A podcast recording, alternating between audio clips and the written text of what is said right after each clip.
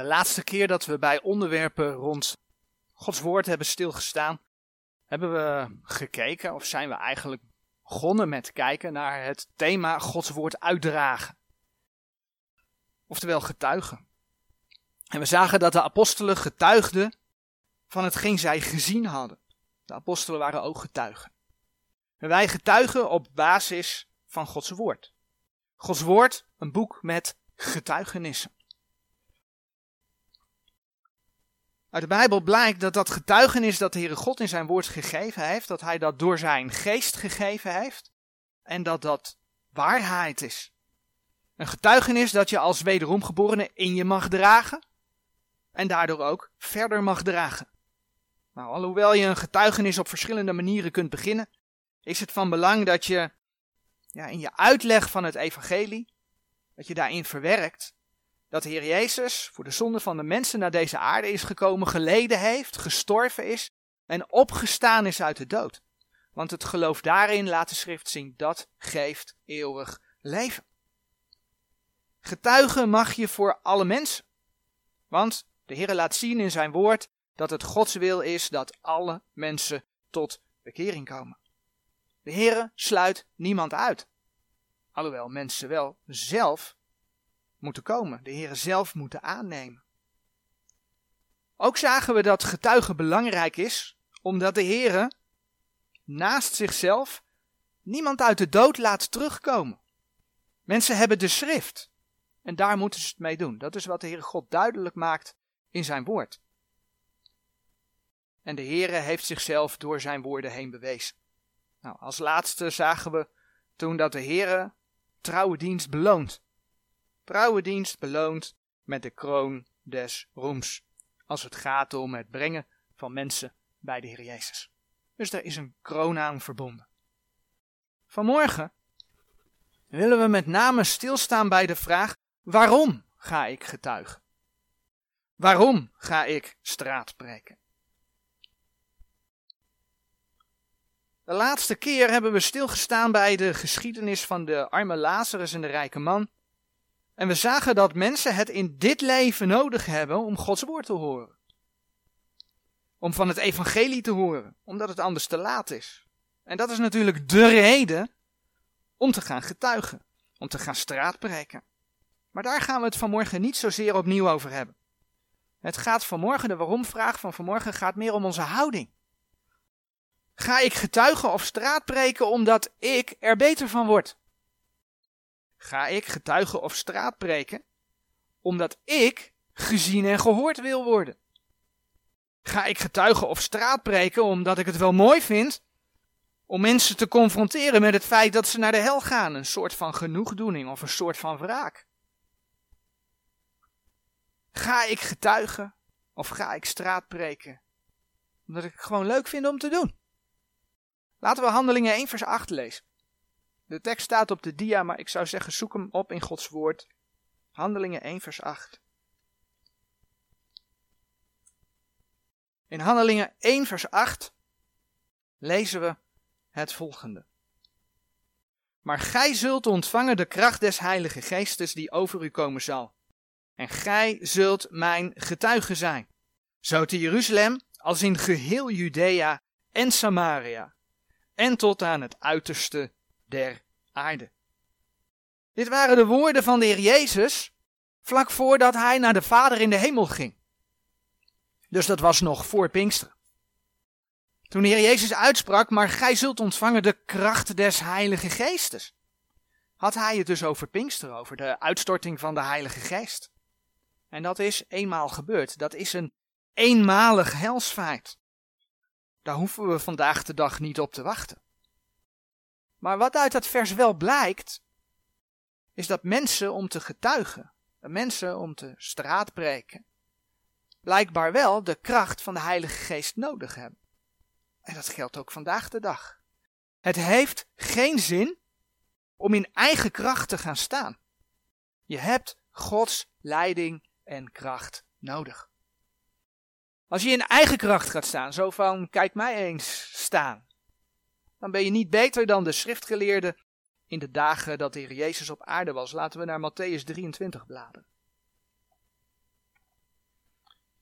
De schriftgeleerden die gingen op de hoeken van de straten staan, omdat ze graag gezien wilden worden door de mensen.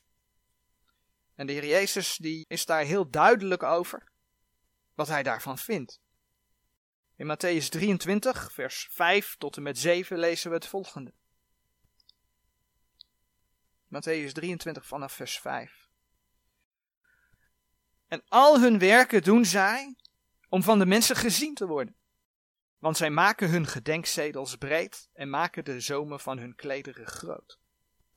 En zij beminnen de vooraanzitting in de maaltijden en de voorgestoelte in de synagogen, ook de begroetingen op de markten en van de mensen genaamd te worden rabbi, rabbi. En over de bekeerlingen die zij maakten, daar lezen we in vers 15 van hetzelfde hoofdstuk het volgende. Wee u, gij schriftgeleerden en fariseeën, gij geveinsden, want gij omreist zee en land om één jodengenoot te maken. En als hij het geworden is, zo maakt gij hem een kind der hel tweemaal meer dan gij zijt. Nou, deze mannen brachten natuurlijk niet het evangelie van de genade van God. Dat mag duidelijk zijn. Was daar overigens ook de tijd nog niet voor. Maar feit is dat ze een boodschap brachten, waarbij ze eigenlijk voor zichzelf stonden. Zij wilden gezien worden. En dan lezen we dat hun bekeerlingen twee keer erger waren dan zijzelf. En laat dat een waarschuwing zijn.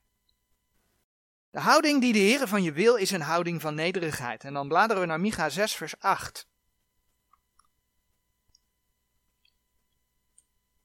Micha 6, vers 8.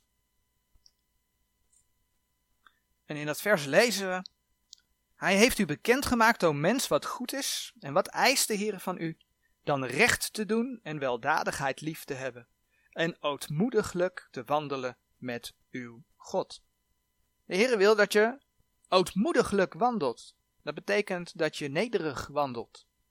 Nou zeggen sommigen misschien dat is onder de wet, hè, want dit is in de profeten van het Oude Testament. Maar laten we dan naar Colossense 3 bladen. Colossense 3, daar hebben we nog niet zo heel lang geleden bij stilgestaan. Dat gaat over de wandel van de nieuwe mens.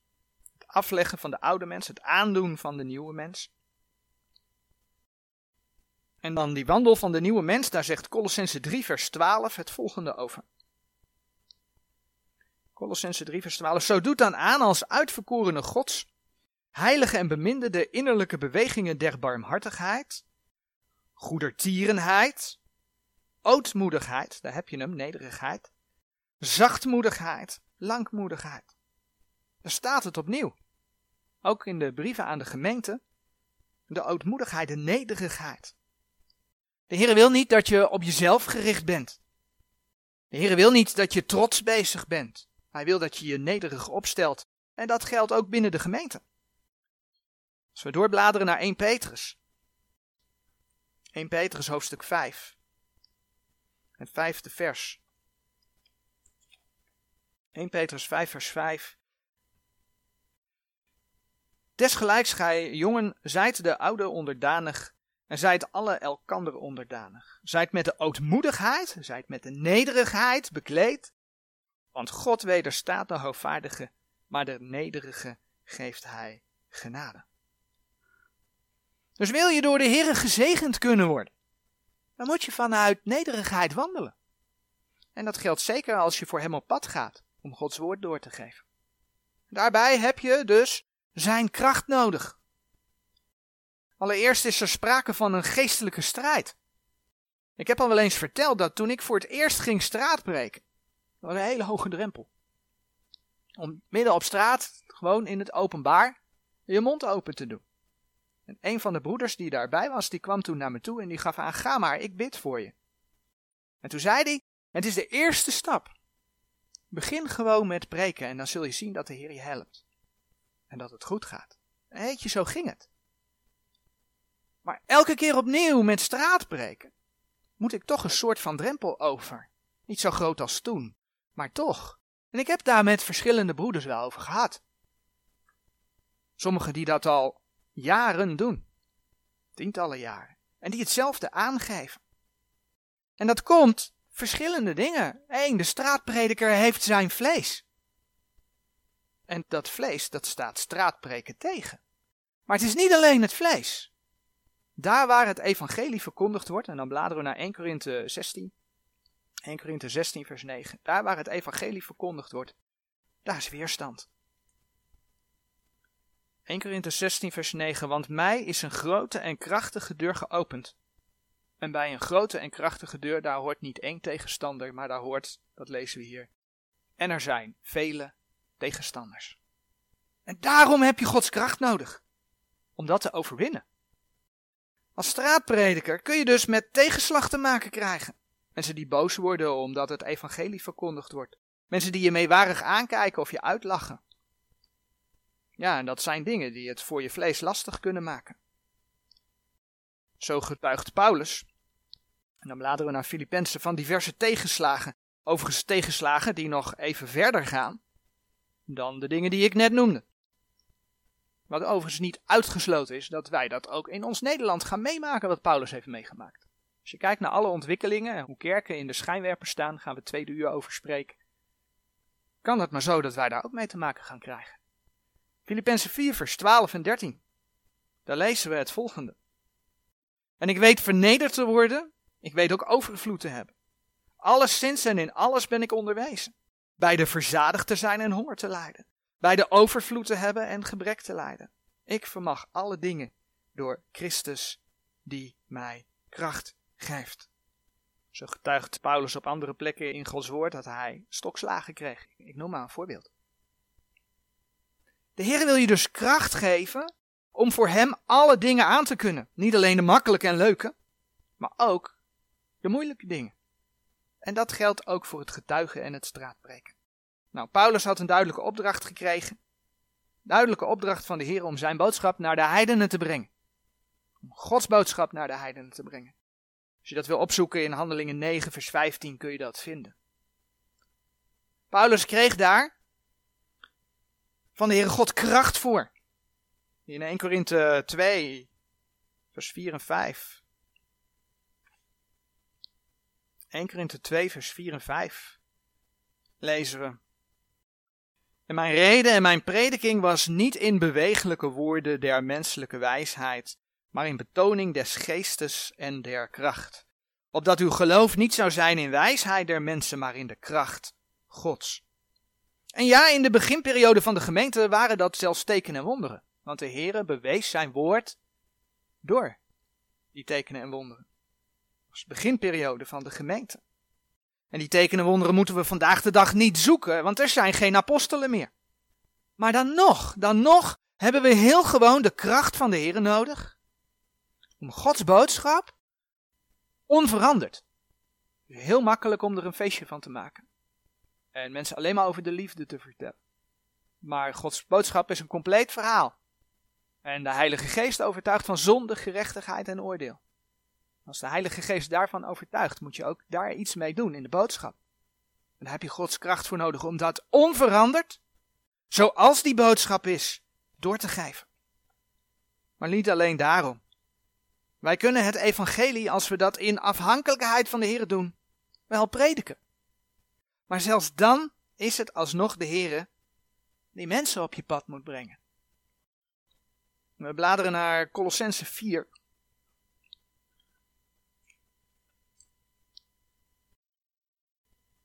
Colossense 4, vers 2 en 3. Houd sterk aan in het gebed en waakt in hetzelfde met dankzegging, biddende meteen ook voor ons dat God ons de deur des woords opene om te spreken de verborgenheid van Christus, om welke ik ook gebonden ben. Dus het gaat om een geopende deur. En bedenk dat die deur twee kanten op werkt. Je mag bidden voor een geopende deur om zelf iets van het evangelie kwijt te kunnen, om zelf iets over het evangelie te kunnen vertellen. Maar je mag ook bidden voor een geopende deur bij de mensen. Ik noemde het net al even. laten we naar Johannes 16 bladeren. Want uiteindelijk is het in deze gemeentetijd de Heere God die door zijn geest mensen overtuigt van zonde, gerechtigheid en oordeel. Johannes 16, vers 8 tot en met 11. Het gaat dus om overtuigen. En overtuigen, dat is iets, dat kun je niet. Je kunt vertellen. Je kunt de boodschap brengen. Maar overtuigen, dat is aan de Heer. En dan zegt Johannes 16, vers 8 tot en met 11. En die gekomen zijnde zal de wereld overtuigen van zonde en van gerechtigheid en van oordeel. Van zonde omdat zij in mij niet geloven en van gerechtigheid omdat ik tot mijn vader heen ga. En gij zult mij niet meer zien en van oordeel omdat de overste deze wereld geoordeeld is. Nu is het de God deze eeuw. En je komt dat tegen in 2 Korinthe 4 vers 4. Er alles aan gelegen dat mensen verblind zijn en hij wil ze verblind houden.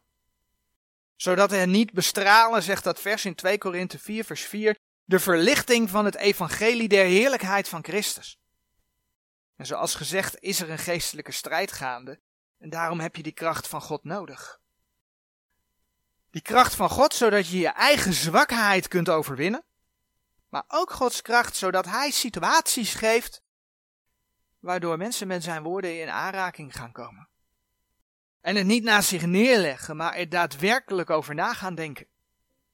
En God kan die dingen samenbrengen. Dus bij getuigen en straatpreken is het de bedoeling dat je je nederig opstelt. Niet van, dat ga ik wel eens eventjes doen. Het hoort niet om het ik te gaan, maar het hoort om de Heer te gaan. Het hoort om die ander te gaan. Stel je, en daar gaat het om, beschikbaar op. En we lezen dat vaker in Gods woord, dat mannen Gods tegen de Heer zeggen, zie, hier ben ik. In Exodus 3 vers 4 kom je het tegen dat Mozes zegt, zie, hier ben ik. En dan bid je om zijn kracht in de strijd. Dan bid je om een geopende deur. Een geopende deur voor die ander. Dat de Heer door zijn geest mensen op je pad brengt, die hij vervolgens overtuigt. En je bidt om een geopende deur voor jezelf. Voor vrijmoedigheid om over zijn woord te spreken. Amen.